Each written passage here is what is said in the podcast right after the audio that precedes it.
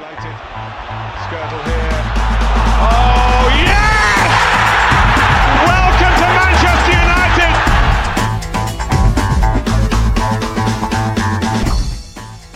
Velkommen til Old Trafford DK podcast.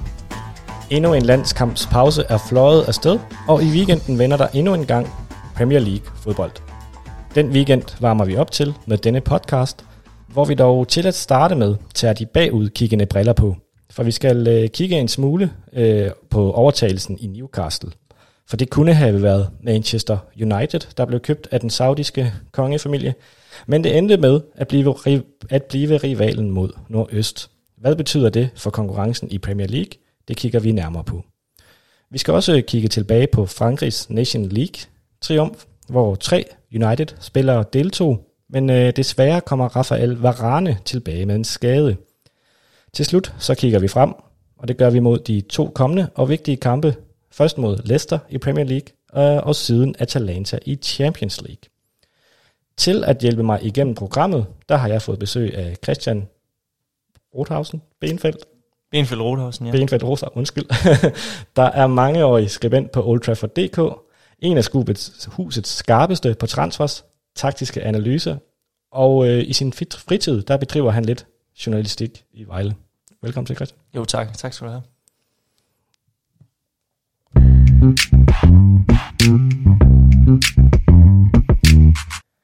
Saudi Arabias Public Investment Fund har øh, købt sig ind i Newcastle og ejer 80% af aktierne i klubben, altså majoriteten. Det er en investeringsfond, som er god for, og hold nu fast, godt 3.000 milliarder kroner ifølge The Guardian. Der kan købes mange Jack Grealish'er for den slags penge. Øhm, der kan ikke have mange tvivl om, at de nye ejere i Newcastle planlægger at gøre Newcastle til en magtfaktor i engelsk og europæisk fodbold. For godt og vel to år siden, der var der rygter om, at øh, den saudiarabiske fond, som er under ledelse af kronprins Mohammed bin Salman, var meget interesseret i at overtage nøglerne til styrehuset i United. Og øh, det er ligesom ud fra den præmis, at vi tager den her snak. For hvad betyder det egentlig for forholdet til en klub med øh, overtagelser, som, overtagelser som disse? Og Christian, øh, hvis, hvis nu du havde været Newcastle-fans, eller hvis det var lykkedes for, øh, for den her fond at købe Manchester United der for et par år tilbage, hvad havde du så øh, som, synes som fan om det? Ja, altså, altså først og fremmest så synes jeg jo, at, at, at det stiller Newcastle-fansene i en umenneskelig situation, fordi nu står de jo i en, en situation, hvor de altid skal, hvad skal vi sige, øh, stå på mål for, for det her ejerskab, og det er jo på sin vis ikke noget, som, som de har valgt. Øhm, og, og jeg dømmer på sin vis ikke fansene. Øh, altså, det er selvfølgelig ærgerligt, hvis vi lige tager udgangspunkt i Newcastle først, og se, se billeder foran St. James Park, hvor, øh, hvor samtlige øh, Newcastle-fans, der er i England, ligner det nærmest, de... Øh, de øh, jubler som om de har vundet øh, Champions League. Øh, men, men de er jo også bare i en anden situation end, end øh, Manchester United måske er, og det kan være svært at, at, at forholde sig til, både i forhold til, at vi sidder her i Danmark, og øh, der er måske nogle andre forhold i, i det sydøstlige England, end, end, end her i Aarhus, hvor vi, hvor vi sidder og snakker. Men, men i forhold til, øh, hvad skal vi sige, at hvis, hvis, hvis det var sket for, for os United-fans for et par år siden, hvor der var rygter om, at, at øh, Saudi, den saudiarabiske kronprins var interesseret i at opkøbe Manchester United, det, at det havde jo været fuldstændig forfærdeligt. Øhm, og det kan man sagtens sidde og sige her øh, med vores, øh, hvad skal vi sige, danske, øh, dan, vores danske fansite, det, det er noget, vi virkelig vil, øh, vil se, se, se ned på. Øhm, og, og det tror jeg på sin vis også, at, at man vil gøre i, i Manchester, særligt med, med det ejerskab, øh, øh, vi har i Manchester. Altså det er jo, det er jo selvfølgelig et, et, øh, et ejerskab, som ikke er særlig populært, men, men på samme tid er det ikke et ejerskab, som kan sammenlignes med det, som man havde øh, med Mike Ashley i Newcastle. Nej, det er netop også det, som, som, som man skal også huske den her, øh, som du nævner, øh, fejring, som Newcastle-fansene ligesom mm. har, har haft gang i, at det jo også lige så meget er 13 år under Mike Ashley, hvor det, og der har man jo også følt lidt med dem, fordi det har jo heller ikke været kønt i de 13 år, øh, der, der er gået under, under Mike Ashley. Og som du også siger, øh, ja, nævner Glazers i United. Mm. Man kan også tage Leicester, som vi skal, øh, United skal møde i weekenden, og den kamp skal vi snakke lidt mere om.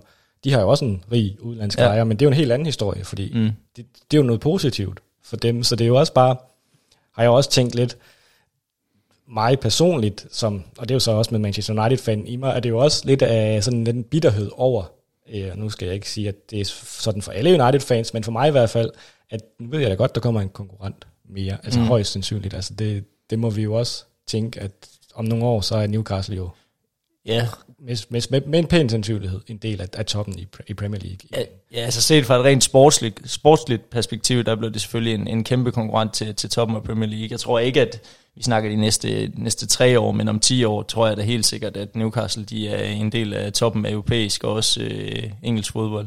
Det handler selvfølgelig om, nu nævner vi det her beløb, øh, det nævner du på, på 3.000 milliarder øh, danske kroner, at, at det er det er den her investeringsfond god for. Men det er jo ikke ensbetydende med, at de vil investere 3.000 milliarder i Newcastle. Men, men hvis man sammenligner med nogle af de hold, som, øh, eller nogle af de ejerskaber, som øh, er også er på top 10 over international fodbold, så ligger Newcastles nye ejer jo nummer et, hvor at, øh, hvor at PSG's ejer ligger nummer to med, med det er jo så 320 milliarder øh, pund, som øh, det har jeg skrevet ned her, at den øh, saudiarabiske nye ejer har, men, men PSG's, de har 220 milliarder pund, øh, og så hvis vi ser på tredjepladsen, så er det altså Jacques Mansour i Manchester City, som har kun 21 milliarder pund. Øh, så, så det er jo en, en hvad skal vi kalde det, det er jo, det er jo en kæmpe spiller på markedet, som kommer ind her, øh, og, og det kommer jo til at revolutionere øh, fodboldverdenen på en helt ny måde, også øh, på, på en negativ vis, tror jeg. Ja.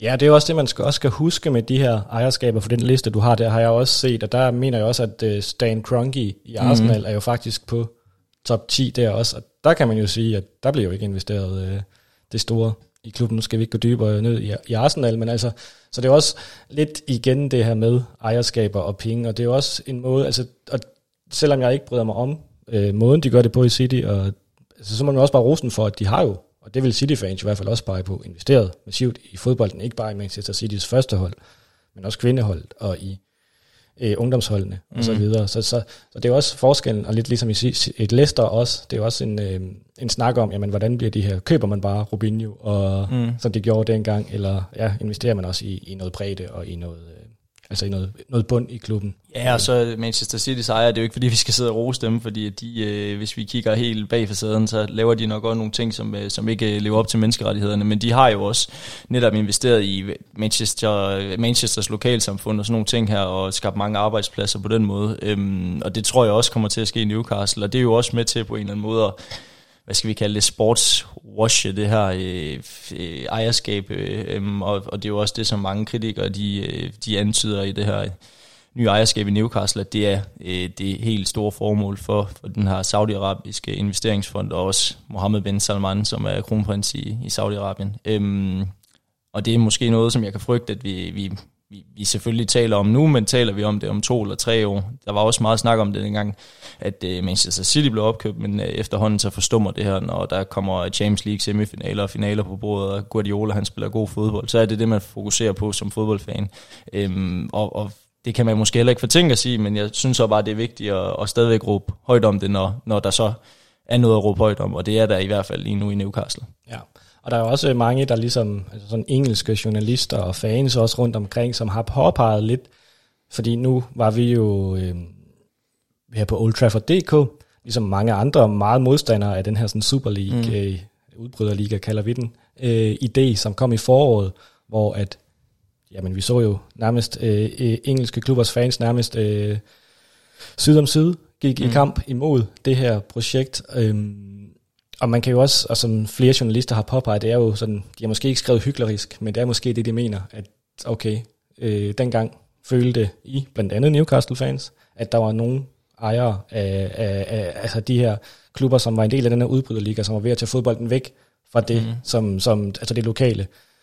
Og der er der jo nogen, der parpeger det her i også, kan man sige, at jamen, Newcastle er måske på vej længere væk fra de lokale, end, end, end de nogensinde har været. Mm. Og, og, og, og helt sikkert, og jeg følger også argumentet, men jeg hører på samme tid også en masse modargumenter, som siger, at øh, hvorfor, hvorfor skal vi i Newcastle være, være dem, som, øh, som går forrest i det her, når at PSG ikke er fået, gået forrest, eller Manchester City ikke er gået forrest, når det gælder ejerskaber på sin vis også... Øh, måske flere, som øh, måske er kinesisk ejet, det er man i Inter og, og sådan nogle ting her, uden jeg ved så meget om det ejerskab. Øhm, så, så en klub som Newcastle, som har været så meget i knæ, øh, der tror jeg også, det kan være hårdt øh, øh for fanbasen at, at, at, at skulle modsætte sig det her, fordi jeg tror virkelig gerne, man bare har vel af med, med Mike Ashley. Øhm, men ja, det er, det er, igen, det er svært for os øh, danske fans at, at sidde her og tænke, hvordan de har det, har det i England, men man kan da bare håbe på, at at, og, og følge op på, hvad, hvad organisationer, såsom Amnesty og sådan nogle, øh, sådan nogle øh, organisationer, hvordan de, de kæmper imod det, og man må stole på, at de ting, de siger, de passer, og at øh, der simpelthen ikke bliver levet op til menneskerettighederne i de her lande. Det er, det er på en eller anden måde en, en skamplet, at det skal ind i europæisk fodbold, og jeg tror kun, det er starten, desværre. Det er det nok, desværre, og nu er der jo også, øh, det er også meget aktuelt med øh, VM, der skal være næste mm. år, så, men det er en helt anden snak, det behøver vi ikke, mm. og øh, vi har været lidt inde på det, Christian, men øh, der kan vel ikke være meget ty- tvivl om, at øh, med tiden, så øh, at bliver Newcastle en ny øh, konkurrent for United i, i Premier League. Ja, altså uden tvivl. Altså, som jeg sagde tidligere, så om tre år, der tror jeg måske ikke, men, men lige så stille, så tror jeg, de kommer til at bygge på, og de skal også have et eller andet sportsligt setup op at stå, som gør, at de, øh, de har øh, fundamentet til at blive en topklub. Øh, Manchester City, de købte jo ind til at starte med, men det blev aldrig, øh, det tog alligevel nogle år at komme kom ind i den her øh, topkamp i, i Premier League og europæisk fodbold. Det, det er jo netop, fordi man har bygget på, bygget på, bygget på, ikke kun på første hold, men igennem hele øh, kluborganisationen. Øhm, og hvis Newcastle er dygtig nok til at bruge sine midler, ikke kun på spillerindkøb, men også generelt at gøre, gøre klubben til en topklub all-round, så, så er der ingen tvivl om, at de kommer til at, øh, at være en øh, ja, kandidat til, til førstepladsen i Premier League i mange, mange år fremover. Det var jo i 2008, at Manchester City blev overtaget af Sheikh Mansour øhm, og Abu Dhabi. Øhm, og så var det jo så i husker vi jo alle sammen desværre 2012, at de mm. vandt øh, det første engelske mesterskab, og siden er der kommet et par, par stykker til. Men øh, vi lader den her snak om øh, Newcastles nye ejerskab ligge her, og øh, så er vores plan, at når United igen skal møde Newcastle i den her sæson, så vil vi meget gerne have en Newcastle-fan ind, og så kan vi gå lidt mere i dybden og høre en Newcastle-fans perspektiv på det. I øh, den her landskampspause, der blev det øh, som bekendt også til en fransk triumf i den nyoprettede Nations League-turnering. Paul Pogba, han spillede alle minutter for franskmændene. Anthony Martial, han så til fra bænken øh, i både semifinalen og finalen, mens Rafael Varane måtte udgå med en skade kort før pausefløjt i finalen. Og øh, hvis vi starter med, med den her skade til Rafael Varane, så har United i den her uge øh, eller for, forleden skrevet, at øh, han er ude i a few weeks, øh, og det kan vi jo så oversætte til nogle få uger, om det så er to, tre eller fire, det, øh, det må tiden jo vise. Men øh, hvis vi går ud fra, at det er de her tre, mellem tre og fem uger, Christian, hvor alvorligt er det så for, øh, for United? Altså jeg ved ikke, om skaden øh, for Varane i sig selv er, er, er alvorlig. Det er mere det her tidspunkt, den kommer med, hvor vi også mangler Maguire og går ind i det her utrolig svære kampprogram, hvor vi møder vi møder Leicester, Atalanta hjemme, Liverpool, Tottenham, Atalanta ude og så Manchester City. Der er det altså vigtigt at have en af de to klar, fordi nu ligner det, at det bliver Victor Lindeløf og Erik Bali, som skal spille midterforsvar, i hvert fald de næste to kampe. Øhm, og det er kampe, hvor, og det ved jeg, vi kommer ind på senere, men det er kampe, hvor United skal have point og helst gerne vinde. Så, så på den måde, så, så er det et problem. På samme måde synes jeg også, at det er et problem, at vi ikke rigtig har haft tid til at, at spille Varane og Maguire, Maguire sammen for alvor. Øhm, nu går vi snart ind i, i den øh, travleste periode i, i engelsk fodbold med, med, med juleprogrammer og alt det her, og, og der kunne det altså have været meget rart, at øh, Varane og Maguire de havde opbygget et solidt markerskab inden da, øhm, og det blev der også lidt en stopklods for øh, øh, nu, og man ved jo heller ikke øh, det her med, at nu er uh, Varane han er ude i 3-4 uger, men, men med alle sådan nogle ting her, det her det er en skade i lysken, kan der komme nogle følgeskader øh, efterfølgende, og, og hvad med Maguire? Han øh, har ikke været i træning endnu for, for United, men regner med at være det i løbet af de næste par dage. Man ved aldrig, hvornår de kan være klar. Jeg håber selvfølgelig, at de om et par uger kan spille sammen igen, men det må tiden vise. Ja, og det er jo også... Øh nu er de to ikke spillet sammen, og man kan også sige, at ja, Erik Bailly og Victor Lindeløf har jo været registreret i mm. Manchester United i efterhånden øh, nogle sæsoner, men det er jo heller ikke meget, de to har, har spillet øh, sammen, og øh, i denne her sæson øh, har Victor Lindeløf så spillet lidt mere, og må vel formodes at være i form at spille for landsholdet, men Erik Bailly har jo ikke set mange minutter, øh, så de to heller, det, det jo også, bliver også problematisk. Ja, ja, det eneste positive, det er det her med, at, at både Bali og Lindeløf, de har begge spillet 90 minutter i, i landsholdspausen, og, og, og Lindeløf holdt clean sheet mod Grækenland, og, og fik en vigtig sejr der. Øhm, så på den måde er de jo ikke spillere, som er helt rustne. Det er mere det her makkerskab, som jeg tænker er, kan være lidt tvivlsomt, og, og hvis vi ser, hvem der så kan, kan erstatte en af de to, hvis lige han nu går i stykker, så er det jo til, at vi skal kigge på Phil Jones og sådan nogle spillere. Øhm, så, så, så det kommer bare på et ubelejligt tidspunkt, og det er måske mere det, øh, der er problemet. Øh, man vil altid gerne have sine spillere klar efter en landsholdspause, man vil helst ikke have, at de kommer tilbage skadet. Øh, så der er lidt øh, nogle øh, alarmklokker, der blinker der. Og lige omkring Phil Jones, kan man sige, der var Ole Gunnar Solskjaer jo i sidste måned, mener det var, da, et par dage inden, at øh, Phil Jones fik en af de her kampe bag lukkede døre, som, som vi ikke ved så meget om, øh, var han jo ude og udtale, at øh, han kunne godt se jo faktisk Phil mm. Jones. og jeg ved ikke om det, altså, og det kan man jo både rose og kritisere Solskjaer ja. for, men han, når han snakker i pressen i hvert fald, så taler han sine, sine spillere op. Øh, ja. Jeg vil sige, jeg får, jeg får koldsved ved tanken af Vardy over for, øh, over for Phil Jones, eller Duvan Zapata har et talent over Phil Jones. Øh, det, det tror jeg ikke kan blive kønt. Øhm, men ja, vi må se. Det kan være, han modbeviser os. Vi må håbe, at uh, Rafael Varanes skade i hvert fald øh, ikke er alt for slem, og han kan være, være med øh, inden for, for en, en overskuelig fremtid. Øh, Liverpool i næste weekend bliver det jo nok desværre heller ikke. Øh, for Frankrig, der spillede Paul Pogba jo også, som, som han sædvanligt gør, øh, og han er også sådan mere solid for Frankrig, end han måske, det kan man i hvert fald måske lave det argument ind, mm. inden for Manchester United, og sådan har det jo været i hele hans tid i klubben. Øh, jeg ved ikke, om du så kampene i Nations League her? Ja, jeg så lidt af finalen, øh, og så også, hvordan Pogba spillede. Øhm, og det er jo det her med, det er lidt den samme gamle sang om, at øh, han har en sekser bag sig, som måske rydder op. Øh, I finalen, der var det Monacos Aurelian Choukameni, tror jeg, det udtales. Det var flot udtalt. Ja.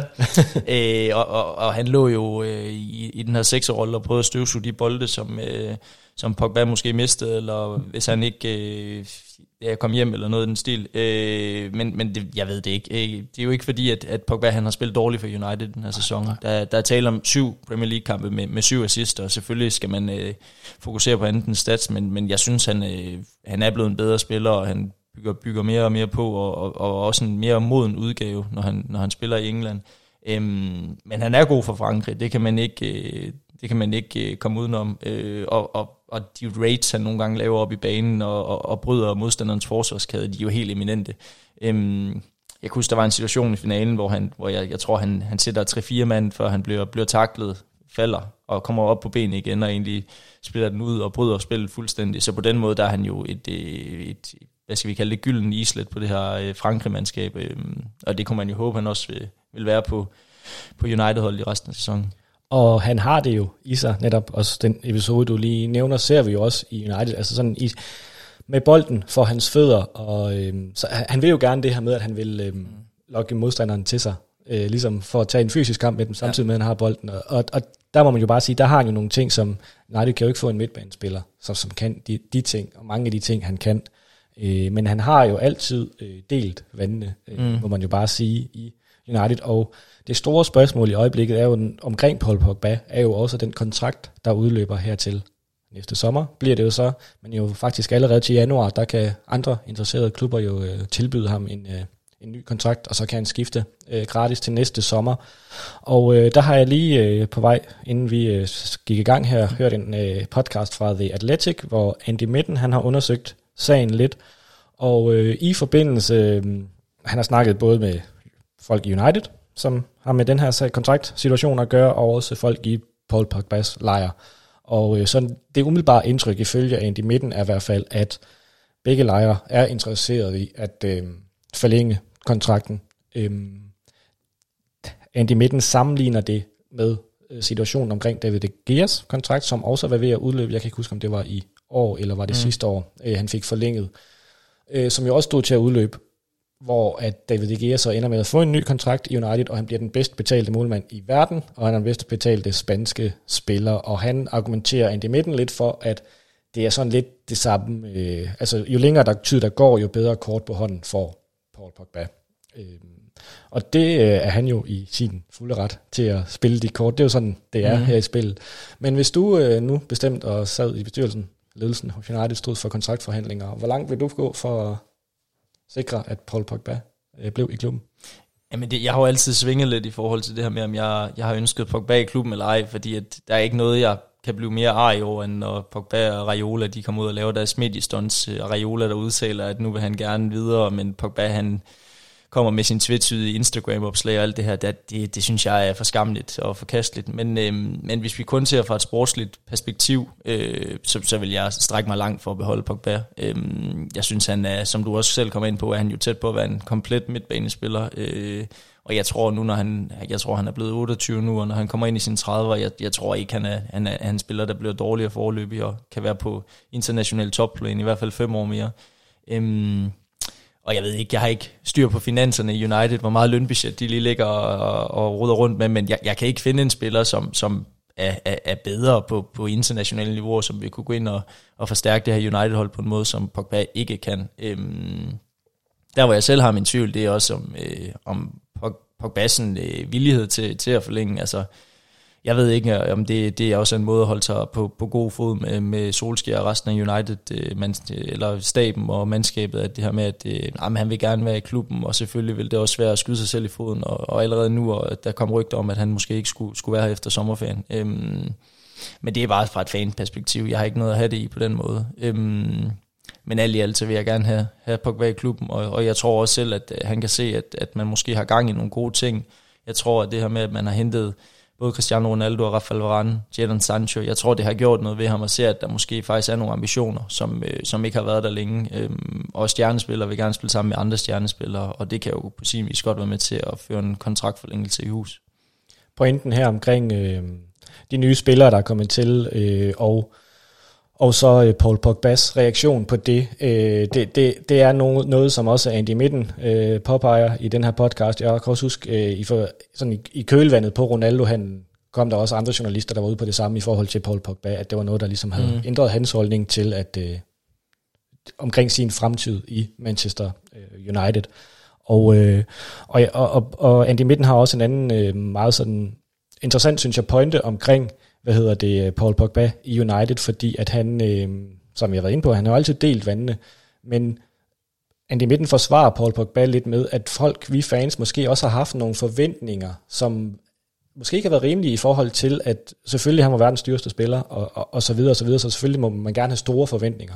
Men han, det var jo aldrig meningen, at han skulle være den her Roy Keane-karakter, eller han, øh, Andy Midten nævner også Brian Robson, altså dem, der bare styrede mm. midtbanen. Altså sådan har Paul Pogba jo aldrig været. Så, så måske vi også har haft nogle sådan lidt misforståede forventninger til, hvad det egentlig er, Paul Pogba er for en person og spiller, fordi som Andy Midten også er inde på, i omklædningsrummet, ifølge dem, som han har snakket med, så er han en meget vældig øh, personlighed, så han samler måske bare på en anden måde, end, end vi fans ser, som vi måske så i Roy Keane, ja. der, der, der kunne ligesom gå forrest og virkelig takle det igennem og og så videre. Og jeg tror også, det helt store problem i forhold til fansenes forventninger, det er jo netop, at så ser man ham spille for Frankrig under VM, man ser, hvad han har bedrevet i Juventus, og man ser nogle af de kampe for United, hvor han, hvor han kan levere assist på assist og øh, pragtaflevering på pragtaflevering. Og det er jo netop det, der gør, at forventningerne de, bliver forøget til ham. For han er jo netop ikke en spiller, som skal stå for at lavet syv assist i syv kampe, som han står noteret for lige nu. Det er jo ikke formål med en, øh, en 8 øh, på midtbanen. Ja. Øhm, så, så ja, på den måde, der, der køber jeg også din pointe. Både det her med, at han ikke skal være den kampafgørende faktor i, i, i hver eneste kamp, øh, og derudover så er det selvfølgelig ikke en kriger på den måde, han skal være. Han mangler netop den her kriger ved siden, altså for at kunne blomstre helt op, tror jeg. Øhm, og, og Pogba er sin egen, det er også svært at sammenligne ham med, med Roy Keane. Det er to meget forskellige personer, og jeg tror, hvis Roy Keane han hørte det, så tror jeg også, han vil få, øh, få ekstra gro hår, fordi det er ikke en, øh, en person, han vil identificeres med, tror jeg, på den måde. Øhm, men altså, jeg synes, han er en kvalitetsspiller, og på sin vis har han jo også højere topniveau end de spillere, vi sidder og nævner der. Øh, og han er vel bare den moderne midtbanespiller i, øh, i 2021. Men man kan sige lige her til sidst måske omkring Paul Pogba, nu nævner du moderne fodboldspiller, lige i øjeblikket, øh, eller i hvert fald her i starten af sæsonen, har han jo faktisk været brugt mest på Marcus Rashfords øh, mm. position ude, til, ude på venstrekanten, jo egentlig sådan lidt mere modificeret måske rolle, øh, som ikke er den samme rolle, som Rashford vil spille der. Hvor vil du øh, placere, øh, hvor synes du, fordi det har jo også været lidt mm. problematikken omkring Paul Pogba i, i hans United-karriere, men han har måske ikke fundet den helt præcise øh, position til ham.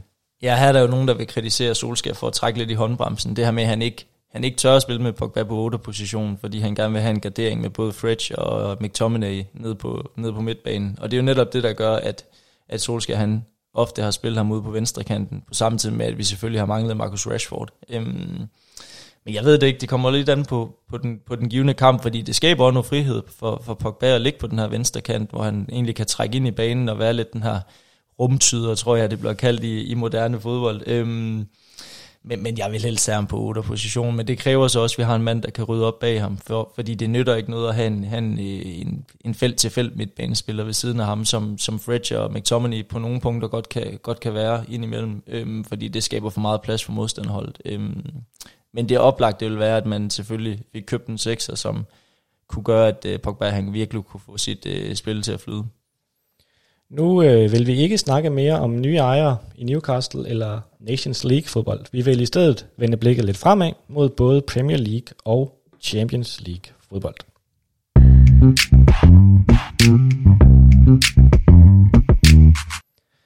Og inden vi måske går øh, i gang med at sådan kigge helt konkre- konkret på kampene, først mod Leicester og så siden Atalanta-kampen, så kunne jeg godt tænke mig, at vi måske starter lidt med at snakke om øh, den her kommende periode, der kommer med kampe mod øh, Leicester, Atalanta, Liverpool, Tottenham Hotspurs, Atalanta igen, og så Manchester City. På papiret, der er det jo øh, ret intenst. Øh, mm, ja. Hvad øh, er sådan umiddelbart øh, din følelse omkring de, de næste kampe, der står på programmet, Christian?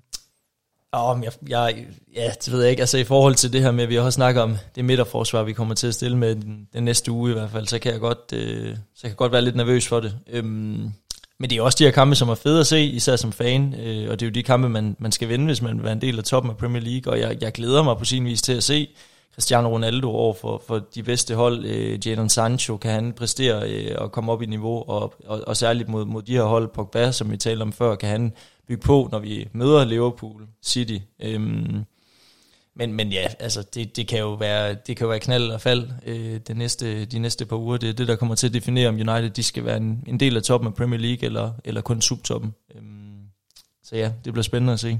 Ja, for er vi allerede der? Altså det, det, når, når de her kampe er slut, så er det sådan cirka midt i november. Altså er vi allerede der, hvor, øh, hvor vi kan sige, at det faktisk er afgørende for, for resten af sæsonen? Jeg synes i hvert fald, at der er nogle hold i Premier League i år, som er så stærke, at jeg ikke kan se, at de, de kommer til at tabe mange point. Liverpool, Manchester City og Chelsea, jeg synes, at, at, at på sin vis, så er det de tre stærkeste hold i, i Premier League lige nu. Og, og, og, og jeg tror ikke, at, at de kommer til at tabe mange point mod, øh, mod de andre hold i Premier League. Det er kun, når de møder hinanden indbyrdes, at der kan være nogle pointtab der. Øhm, så ja, altså hvis United de ikke formår at, at, at vinde, eller i hvert fald øh, ikke tabe de fleste af de her kampe, så, så kan løbet godt være kørt lige pludselig. Og, og en kamp som øh, Leicester i weekenden, det er jo øh, på sin vis en, en, en must-win, hvis man vil være en del af toppen af Premier League. Og sådan er det jo, og sådan har det altid været.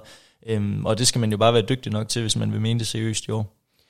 Ja, og jeg sad og så, øh, det, det var der sikkert flere, der gjorde, Liverpool mod Chelsea for, for godt 14 dage siden, og og der må jeg jo også bare sige, at det var, altså, det var en underholdende kamp, selvom man er United-fan. Altså, det var bare to hold, der leverer på et niveau, som... Altså, det var jo helt vanvittigt, det niveau. Og jeg har jo ikke set United endnu, i hvert fald, øh, i den her sæson, være på det niveau. Altså, det, det blev jeg da lidt skræmt over på Uniteds vegne, må jeg sige. Ja, ja, det er to hold, du altid ved, hvad du får fra. Ja. Du ved, når Liverpool de kommer på banen, så er det højintense øh, pres, højintense løb, og, og det her fuldstændig vanvittige overfaldsfodbold. Og når Manchester City spiller, så er det smuk fodbold, boldpossession øh, og også en øh, ofte høj effektivitet øh, foran mål. Øhm, så på den måde, så, så, så er de jo bare et niveau foran United i øjeblikket. Øh, men man kan jo håbe, at de spillere som Solskjaer og Company, de har købt ind, at de, øh, at de selvfølgelig vil, de vil blomstre op og, og få United op på det niveau, fordi lige nu der synes jeg, vi halter et, et, et stykke fra. Og øh, nu har vi nævnt lidt, øh, ja, Varane og skadesituationen der, Harry Maguire er også ude. Øh, hvor kritisk er det sådan helt overordnet i forhold til de, til de her gamle? Jamen altså, det, ja, det, altså, jeg synes det er kritisk, men det er jo også et spørgsmål om tid, før Maguire selvfølgelig er tilbage, og, og, og en Maguire-Lindeløf-konstellation, den bragte os jo på en anden plads sidste år, så, så værre er det jo egentlig ikke.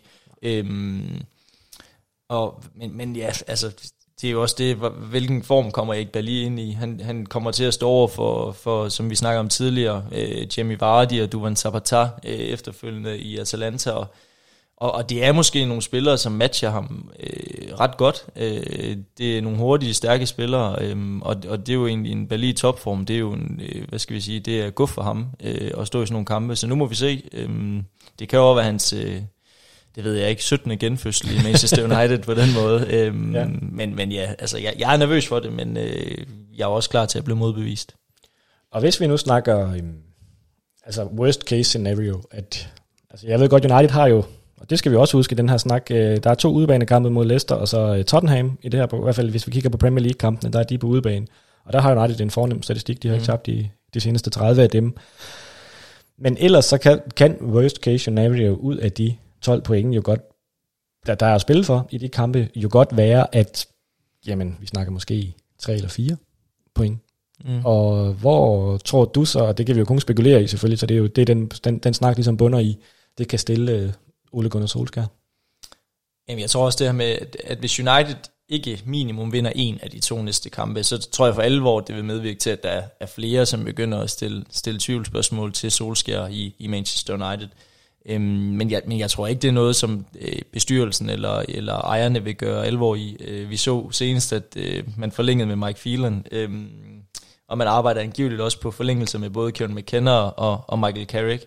Øh, og det er jo, det er jo hele, hele Solskjærs tætteste stab, og, og det tror jeg ikke, man vil gøre, hvis, hvis man i bestyrelsen og ejerkredsen ikke bakkede øh, fortsat op om Solskjær. Øhm, så selvom nogle fans de skriger efter noget andet, så, så, så er det ikke det indtryk, jeg har af klubben internt, og det kan man jo mene om, hvad man vil.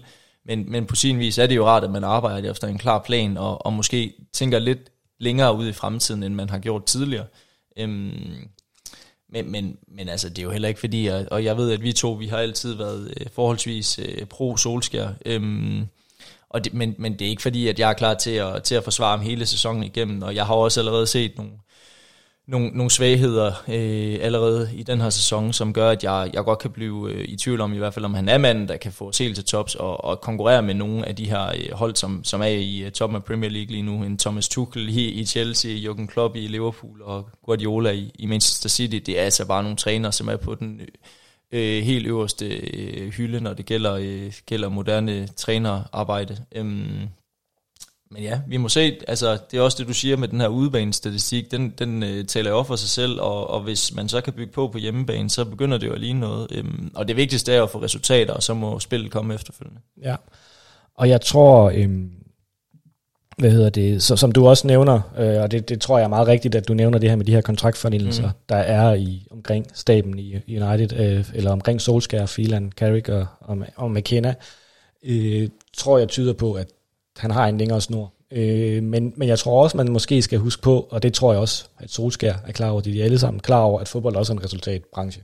Altså så hvis de her næste, altså det bliver, at de nærmest ikke vinder en af de her næste kampe, vi har snakket om, så tror jeg jo også godt, selvom de så har forlænget, altså, så er det jo heller ikke værre, end at så, så, så, så kan han jo godt blive fyret. Altså det, så, men, men, jeg, men jeg tror, du har ret i, at der skal, der skal nok meget til, ja. før at, at øh, det kommer dertil. Og det næste kan man så også sige, er jo også, du nævner Klopp og Tuchel og øh, Pep Guardiola, som er tre rigtig, rigtig dygtige trænere. De er selvfølgelig også bedre mm. end, øh, end Ole Gunnar Solskjaer. Det skal vi jo nok ikke diskutere. Men, øh, men, men dem får de jo ikke. Og så er vi jo også ude i en snak om, jamen hvem skal det så lige pludselig være? Ja. Ikke? Øh, fordi hvem kan vi så vide, som er bedre? End, altså det der med, at græsset grønnere på den anden side. Altså det, det er jo også lidt i, i den her diskussion. Og jeg vil også sige i forhold til det, du siger med, at, at fordi, fordi man forlænger med de tre herrer, vi nævnte før, så er det jo ikke, det er jo ikke fordi Solskjaer han er fredet, så nej, det kan jo også være et tegn på, at, at United bygger klubben op omkring en stab, og så, så er det måske træneren, som står for skud. Men, men, men resten af, af, af, af, af, hvad skal vi sige, bestyrelsesgangene og, og trænerteamet, det er på sin vis på plads. Øh, netop fordi man vil skabe den her røde tråd, som ikke kun er afhængig af en enkelt cheftræner. Øhm, men som du også siger, jeg, jeg kan heller ikke...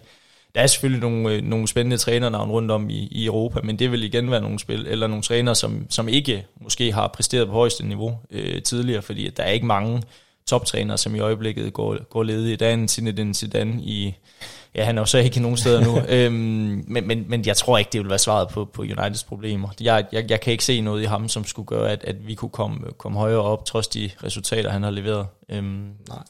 Og det er også min følelse omkring uh, sine, sine, sine dine Zidane, at den kritik, der helt rimeligt kan være af Ole Gunnar Solskjaer i forhold til øh, altså det taktiske, mm. øh, det, det, det tror jeg heller ikke nødvendigvis omkring Signe Zidane, at han er nogen større taktiker nødvendigvis. Jeg tror helt sikkert også, at han har meget med, med man management og få de bedste ud af rigtig dygtige spillere, som han havde. Og det gjorde han så sandelig i Real Madrid med, med tre Champions League titler ja. i, i træk og et mesterskab også, så det gjorde han da selvfølgelig. Men, men om det nødvendigvis er bedre, det er det heller ikke øh, overbevist om. Øh, så øh, ja, det, det, det er jo en stor snak, og øhm, lad os håbe, at det ikke skal blive til et eller andet med, at vi om en måneds tid skal til at sidde og snakke om, at den her sæson er slut, og vi skal bare kigge ja, frem mod et forår, som, som bliver lidt langt og træls, ja. og vi så skal...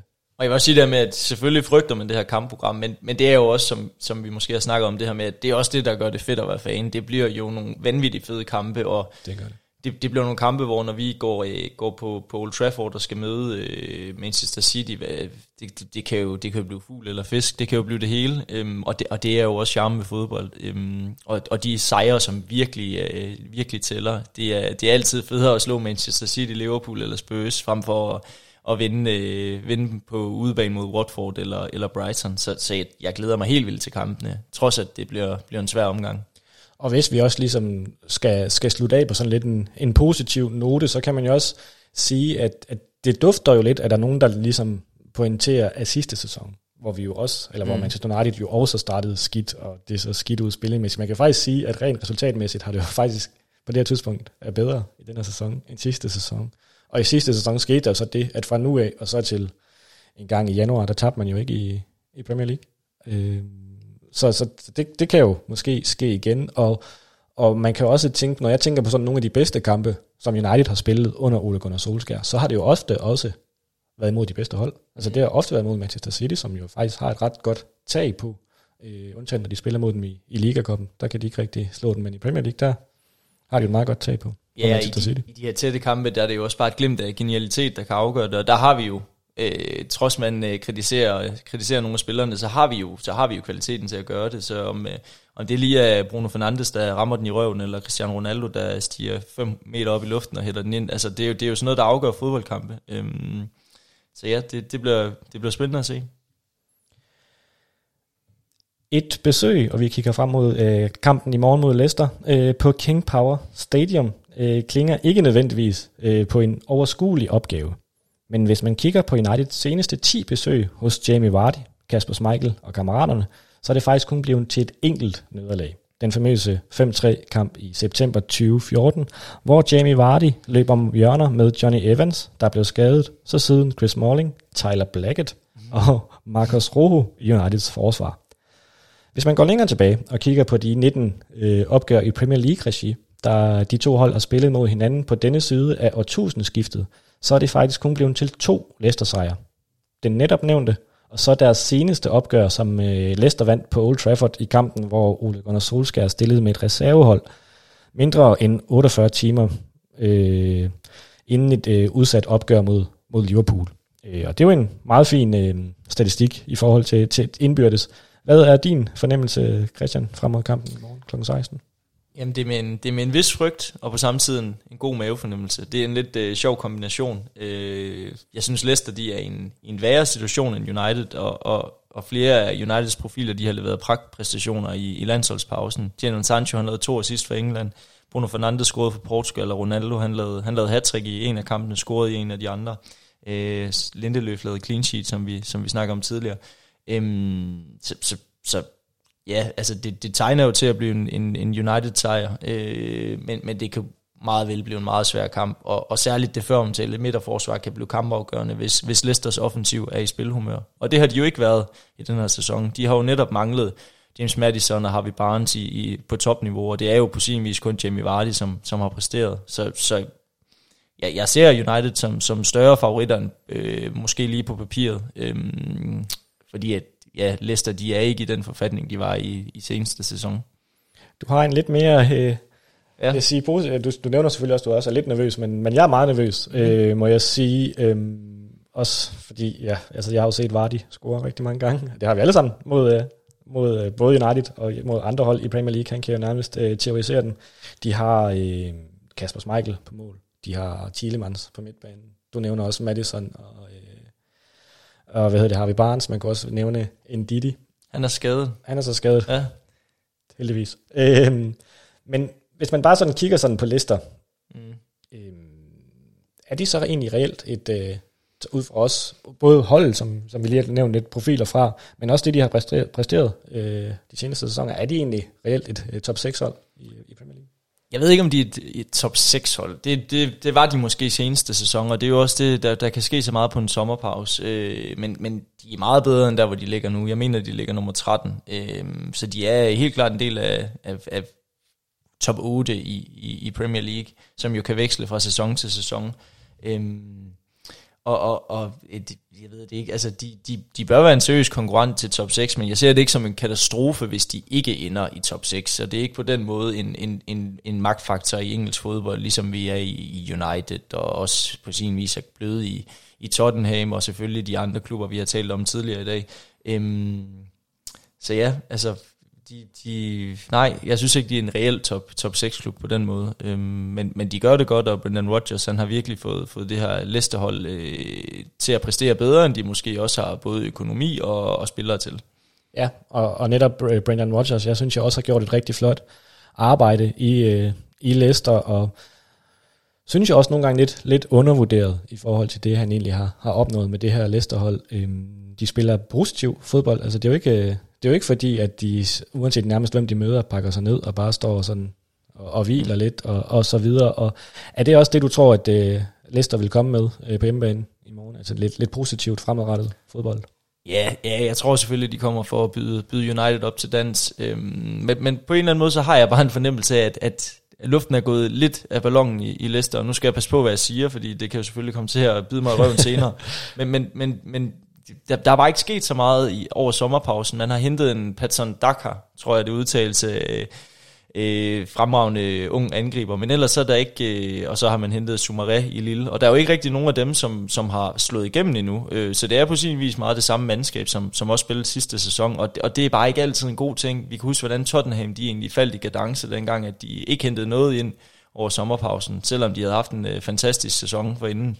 Øhm, og, og jeg kunne måske godt se det samme ske igen. Øhm, og måske mange af de her spillere, de, de har toppet i Leicester og skal enten videre, eller, eller, øh, eller måske længere ned på en anden hylde, fordi at de er oppe i årene. Også Jamie Vardy, altså han spiller jo fantastisk, men, men den synger jo også på sidste vers. Øh, manden er 34, og han drikker Red Bull til morgenmad, så jeg ved ikke, hvor lang tid han kan fortsætte, men, øhm, men han er jo der største stjerne, og han gør det fantastisk, men nogle af de andre spillere, øh, de, de, er, de er gået ned i kadence, synes jeg. Kasper Michael fik også en, øh, en dansk holdkammerat i sommer i, øh, i Jannik ja, Vestergaard. det er rigtigt. Øhm, og det er jo ikke, nu ikke for, for at skulle, skulle, skulle dvæle ved ham, men øhm, så har vi snakket lidt om, om Leicester, hvad de kan komme med. United, de øh, mangler, som vi har snakket om, de to øh, første valg i, i midterforsvaret, men ellers så er de jo nogenlunde fedt for fight. Rashford er ikke helt klar endnu. Og øh, man kan sige, manglen af Harry Maguire og Rafael Varane, og, og deraf det, at Victor Lindeløf og Erik Bailly formentlig starter i midterforsvaret. Det kommer nok også til at have lidt indflydelse på, tænker jeg, hvordan United stiller op. Øh, og det, den er meget omdiskuteret, den her centrale mm. midtbane. Kunne man ikke forestille sig, at det, øh, det er Scott McTominay og Fred, der bliver, bliver sat ind, for de ligesom skal... Det er dem, Solskjaer gerne mm. Øh, vil have, når han ligesom skal beskytte sit forsvar. Kan man ikke forestille sig, at det er det, han vælger i morgen, at beskytte det forsvar lidt måske? Jo, det eneste problem med Fridge, det er jo, at han, øh, han spillede øh, fuld tid i, øh, i Brasilien i nat, imens vi andre vi lå og sov. Øh, så han har jo halvanden dag til at komme til England og, og så skulle, skulle spille.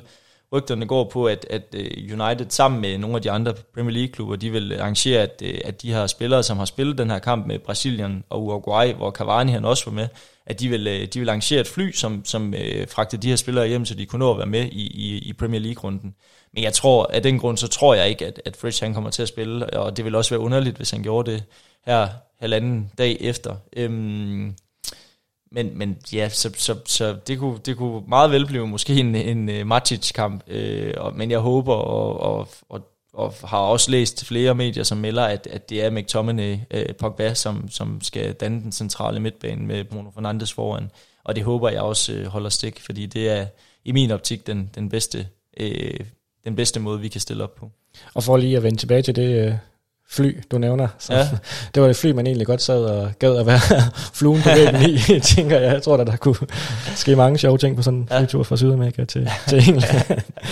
øh, men nej, lad os ikke dvæle ved det. Øh, så hvis vi ligesom skal sætte Uniteds hold på, på taktikbrættet her, det er usynlige taktikbræt, vi sidder med, så er det jo De Gea på kassen, Van Bissaka, Bailly, Lindeløf formentlig, Luke Shaw er klar, Paul Pogba, McTominay, Du sidder og nikker, så du er enig nu, tænker jeg. Jeg, jeg er enig indtil videre. Greenwood til højre, ja. Bruno Fernandes, ja. Pogba, og, nej, ikke Pogba, øh, Sancho selvfølgelig til venstre, og så øh, nummer syv på toppen. Det er også det, jeg har skrevet. Øhm, og i forhold til, nu nævnte du lige Rashford før. Øh, jeg, jeg har læst nogle steder, at man faktisk tror, at det måske kunne blive Rashfords comeback-kamp den her.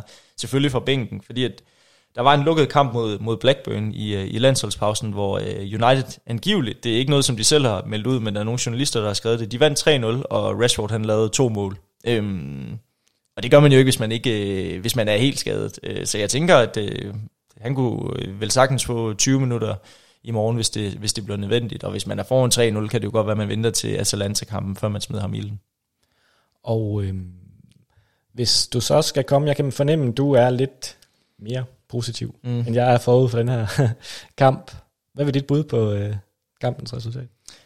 Ja, eller det kan være, at jeg tvinger mig selv til at være mere positiv. Øh, men men jeg, tror, jeg tror, United de vinder, vinder 2-1, og jeg tror, det bliver en vanvittig svær kamp, og igen en, der bliver afgjort på, på marginaler. Og der har United nogle, nogle bedre spillere, og de har også øh, vundet flere kampe i år, hvor de egentlig ikke har præsteret på topniveau, og det kunne meget vel blive, blive det samme igen. Øh, man skal huske på, som jeg også har nævnt tidligere, at Leicester er altså et hold, som også lige nu øh, kæmper lidt med det, og de har ikke vundet de fire Premier League-kampe. Så det er to hold, hvor, hvor United stadigvæk er det hold med overhånden, både i tabellen og også i forhold til de seneste par, par kampe. Jeg hørte ikke noget resultat. gør det? 2-1. 2-1. Hvad tænker du? Jamen, altså jeg må jo sige, og jeg håber, håber, håber da selvfølgelig, at jeg tager fejl, men jeg, jeg har virkelig en, øh, en skidt fornemmelse, øhm, og det øh, bunder simpelthen i de præstationer, jeg har set for United før, øh, før landskampspausen, jeg synes, de var så dårlige. Altså, jeg synes, det var... øh, Og, og det bunder også i, at jeg så lægger den op mod det, jeg så Mm. mm. fra mellem Liverpool og Manchester City.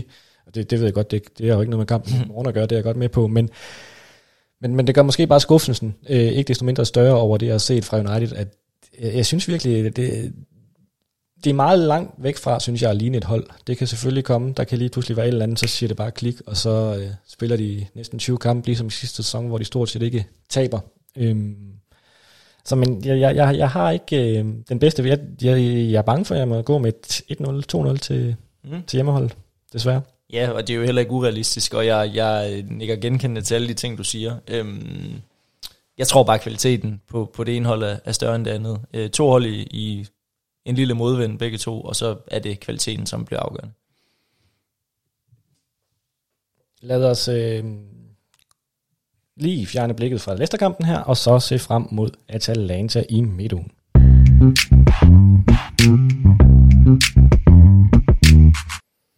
Der står som sagt Atalanta øh, på udebane på programmet i Champions League i midtugen. Manchester United de har sat sig i en svær position med et nederlag i gruppespillets første kamp. Men øh, Cristiano Ronaldo, han reddede som sagt en sejr mod Villarreal. Og øh, en sejr her i midtugen mod Atalanta, det kan ligesom øh, gøre lidt op for den her pinlige kamp mod Young Boys. Så er man, så er man lidt med igen, kan man sige. Øh, Christian, her til en start, øh, ved du hvor mange gange de her to hold har mødt hinanden før han? Nej, det ved jeg ikke. Det har jeg ingen idé om. Nej, de har aldrig mødt hinanden. Nå. Så, øh, så jeg må ærligt talt sige, jeg ved faktisk, jeg følger ikke meget med i Mm. Serie A. Jeg håber, du følger lidt med med. Øh, måske har du set Atalanta i Champions League også sidste Ja, sæson. Jeg Øh, kan godt sige lidt om det. Du kan godt, øh, hvad, hvad er det for et hold? Øh, Ja, det er jo et hold, som er trænet af, af Gasperini, som er den her 63-årige italienske manager, som, som er på, på trods hans, øh, hvad skal vi sige, høje alder, han er på manges øh, læber, når det kommer til, hvad, hvad moderne fodbold er for tiden, fordi han spiller noget af tidens mest interessante fodbold. Det gjorde han i Genoa, inden han kom til Atalanta, og det har han ført videre med Atalanta og, og bygget på. Og det er lidt en kombination af, af en atypisk italiensk gegenpres, stor bevægelse for samtlige spillere på banen og en, og en meget høj taktisk fleksibilitet. Han, øh, han stiller op i den her 3-4-1-2 eller en øh, 3-4-2-1, øh, og det er de her tre forreste, som, som, som veksler helt vildt i kampene. Nogle gange kan de gå op og, og spille øh, med tre forreste, og nogle gange kan der være to offensive midtbane spillere, og så med Duvan Zapata som, som frontmand. Øhm, og det er fordi, at Gasperini og Atalanta, de ændrer formation efter behov i kampene. Så typisk så har man set, at øh, hans modstandere, jeg kan huske det var Mourinho, som sagde, at Gasperini det var en af de sværeste trænere at stå for, fordi at når Mourinho han ændrede sin formation, så Gasperini med et fingerknip, så ændrede han sin til, til noget, der kunne, kunne matche det. Så, så på den måde er det en meget form for øh, ja, en taktisk øh, fleksibilitet, som, som der er i Atalanta. Øhm, som, som er vildt interessant, og, og selvfølgelig noget, som man måske ikke lægger mærke til, hvis man, man sidder og ser det med et halvt øje, men, men hvis man virkelig sidder og lægger mærke til det, kan man se, hvordan de her spillere veksler og hele tiden bevæger sig. Øhm, hvor særligt baksene er, er, er, i den grad er interessante. Vi, øh, I sidste sæson, der scorede deres venstreback, Robin Gosens, han scorede 11 ligamål, øhm, og det viser jo noget om det her med, hvordan de arbejder med wingbacks, øhm, og, og, og konstant er farlige, ikke kun fremme, men også øh, andre positioner af banen. Og det er også meget interessant, øh, så jeg kommer til at tænke på nu, fordi Italien, fordi som du, som du også nævner, meget, italien, eller meget atypisk italiensk fodbold, øh, og øh, vi så jo også øh, Roberto Mancinis Italien til EM her, som, som vandt. I EM-slutrunden spillede jo også sådan lidt, lidt, lidt mere underholdende, end man øh, ja. normalt øh, forbinder med italiensk fodbold, så det, det kunne jo være en interessant snak at, at tage med nogen, der har lidt styr på det på, på et mm, andet tidspunkt. Øhm, hvordan tror du, øh, fordi det, det er jo sådan, det jeg ligesom fornemmer på dig, er jo, at de, de spiller sådan dynamisk gang mm. fodbold, intens gang fodbold. Kan, hvordan kan United øh, stå imod det? Ja, altså, jeg, jeg ved, at sådan defensivt der er de meget mand, mand fixeret, så det er det her med, at man, man har egentlig sin egen mand, øh, og, og, og, så er det op til, til hvis Robin Gosens, han øh, står for for øh, Mason Greenwood, så er det hans, øh, så er det hans opgave at, at dække af for ham. Øhm, og der kan jo komme noget plads med de her wingbacks, når de angriber frem. Der kan komme vildt meget plads ude, ude på siderne, øh, hvor at øh, Mason Greenwood eksempelvis vil komme til at, hvis Robin Gosens han er fremme, kommer han så til at stå over for en af Atalantas lidt mere tunge midterforsvar. Øhm, og det kunne jo skabe nogle muligheder øh, på nogle positioner, hvor United faktisk er ret skarpe, øh, og, og måske også være være en øh, lækkerbisken for en spiller som Jadon Sancho, som måske ikke har fået så meget plads i Premier League. Det ved jeg ikke, om han vil få mod, mod Atalanta, men det kunne det jo øh, tegne sig til at blive, øh, blive en kamp, hvor han vil få mere plads, og måske øh, kunne være mere fri til at boldre sig. Øhm, så, så, så på den måde tror jeg, det bliver en meget, meget, meget offensiv og øh, målrig kamp. Øhm, særligt hvis United også byder dem op til dans. Øhm, så, så det bliver i hvert fald ikke Atalanta, som kommer til at trække håndbremsen, og de vil hellere spille spille 2-2 end, 0-0. Øh, så på den måde skal der nok være muligheder, særligt offensiv. Så kan man være mere bange for, for defensivt, hvis, øh, hvis det er Maguire, nej ikke Maguire, Lindeløf og, og Bali, som skal danne midterforsvar. Så, så, så det bliver spændende at se. Og det er i hvert fald noget, det, det, det første du nævner, det her med pladsen til Uniteds offensive spillere. Mm. Vi, vi i hvert fald har set fra uh, United under Solskjaer, at, at når de har mødt de her hold, som har spillet offensivt, så uh, er det ikke fordi, at United eller Solskjaer har bedt der kan man flere gange huske på, på Rashford. Han har jo ikke bedt uh, Rashford om at trække tilbage og følge mm. bakken. Han har jo så faktisk bedt Rashford om at, mm. at blive fremme, ikke? så han kan blive farlig i de her omstillinger, som vi jo mange gange har set uh, United være rigtig gode på. Så, så, så det tror jeg, at du kan have, have ret i, at, at ja. det kunne være taktikken ligesom at, at modstå og, nu, og, det nu, og det er jo også øh, seneste, var det, ja, var det sidste sæson, vi mødte Leipzig og slog dem, slog dem 5-0 hjemme. Det var jo også, en, hvor vi sad og snakkede om, at Julian Nagelsmann, det er den helt nye upcoming træner, som har styr på den taktiske fleksibilitet og alle de her ting. Øh, men, men United købte dem jo bare over, fordi at at de udnyttede den plads, der kom, og, og, og sparkede alt ind. Øh, så det kunne jo også øh, blive sådan en dag, eller sådan en aften på Old Trafford. Det må tiden jo vise, men, men mulighederne er der i hvert fald for, at øh, vi kan få vores offensive spillere i gang. Men mulighederne er der også for at få ørerne i maskinen, hvis man ikke er der på dagen. En kamp, øh, RB Leipzig-kampen, som du nævner der, hvor Rashford jo, som jeg lige husker, kom ind fra... Mm. Øh, fra, fra bænken. Scorede han tre? Nå, han scorede tre gange. Ja, det lavede han ikke hat Det kan være, at historien gentages en gang på, på fordi det kan jo i hvert fald være, at han ikke starter inden, og som du nævner, hvis, hvis der er mulighed for, at han kan starte, ind mod, eller starte på bænken mod Leicester og komme ind fra bænken, så er muligheden der i hvert fald nok også mod uh, Atalanta, må vi gå ud fra. Øhm, startopstillingen mod uh, Atalanta, jeg tænker ikke, det er, fordi den skal, det er jo en vigtig kamp, så mm. det skal jo være nogenlunde det stærkeste, Ole Gunnar Solskjaer uh, kan stille. Ja, jeg tænker heller ikke, der kommer til at foregå så meget rotation. Øhm, jeg har egentlig haft en følelse af, at man længe gerne vil give øh, Jesse Lingard øh, en startplads også i nogle af de vigtigere kampe. Øh, og jeg tror også, at hans arbejdsrasteri måske kan blive guld værd mod, mod Atalantas intensive spillestil. Øh, så det kunne måske være en mulighed, men, men jeg tror ikke, det bliver en kamp, hvor, hvor Solskjaer han tør spare for alvor. Det vil sige, at der kommer ikke til at være en Donny van de Beek, eller en Alex Telles, eller en Dalot med flere, som, som kommer til at få i hvert fald en startplads i sådan en kamp her. Øhm, fordi det er en kamp, United i hvert fald ikke må tabe, fordi så ser det meget svært ud i forhold til, førstepladsen i, i gruppespillet, og på sin vis også øh, kan man begynde at være lidt i problemer i forhold til en, øh, til en anden plads. Hvis du skal komme med bud på kampens resultat? Jamen nu lovede jeg målrig kamp jo, så jeg tror, at øh, jeg tror, at United kommer til at lukke en del mål ind, og jeg tror, at Atalanta får det svært, øh, får det svært defensivt. Så jeg siger en 2-2. 2-2 kamp. Jeg, øh, ud fra devisen om, at jeg synes, at øh, Premier League er på et lidt højere niveau end, øh, end, øh, end Serie A, det synes jeg godt, man kan argumentere for, så er jeg faktisk lidt mere positiv over for den mm. kamp, så, øh, og tror også på en, en målrig affære, så jeg siger 3-2 til, øh, til United. Hvem er din bud på første mål? Uh, første målscore, det må jo næsten være en, være en kandspiller, så når vi har snakket så meget, meget om dem, jeg tror, det bliver Mason Greenwood. Jeg tror, han øh, kommer til at udnytte noget af den plads, som, som bliver givet, øhm, og, og han sparker den ind og kommer i gang igen efter en lidt sløj periode. Jeg, øh, jeg går med nummer, det kedelige valg, nummer 7, Cristiano mm. Ronaldo, første målscore. Smider han trøjen så? øh, fik han ikke et gult kort for det, han skal vel til at passe på, men Ja, han fik rigtigt. jo et gult kort mod, øh, mod øh, Villarreal for det. Øh, er der andre ting, du lige vil øh, nævne omkring øh, kampen mod... Øh. Øh, altså jeg vil sige, at det her med mere sådan generelt i Champions League gruppespil, så selvom man, man dummede sig mod, mod Young Boys, øh, så, så er United jo stadigvæk på sin vis, øh, øh, de har mulighed for topgruppen allerede her efter runde 3 med en sejr, så, så værre er det jo ikke, trods de her svingende resultater. Indtil videre så har Champions League været en kæmpe skandale for United i år. De var jo nærmest dårligere mod Villarreal, end de var mod Young Boys. Øh, men alligevel står man her med, med tre point og har mulighed for at få seks, når runde 3 er færdig. Så, så øhm, ja, det synes jeg bare, de skal gå efter. Og så må vi håbe, at, øh, at man kan vaske lidt af den præstation, som, øh, som, som der blev lavet mod Villarreal, at man kan vaske den af og, og komme videre. ja, og det er jo også øh, først til foråret, at øh, Mm. jeg i hvert fald føler, at Champions League for alvor bliver sjovt. Så ja, jeg tror, du var helt ret i, at man skal passe på med at, at drage alt for mange konklusioner på nuværende tidspunkt i, øh, i Champions League. Det var det, vi havde på programmet i dag. Det var bare mig og Christian, på grund af et, et lidt sent afbud, desværre.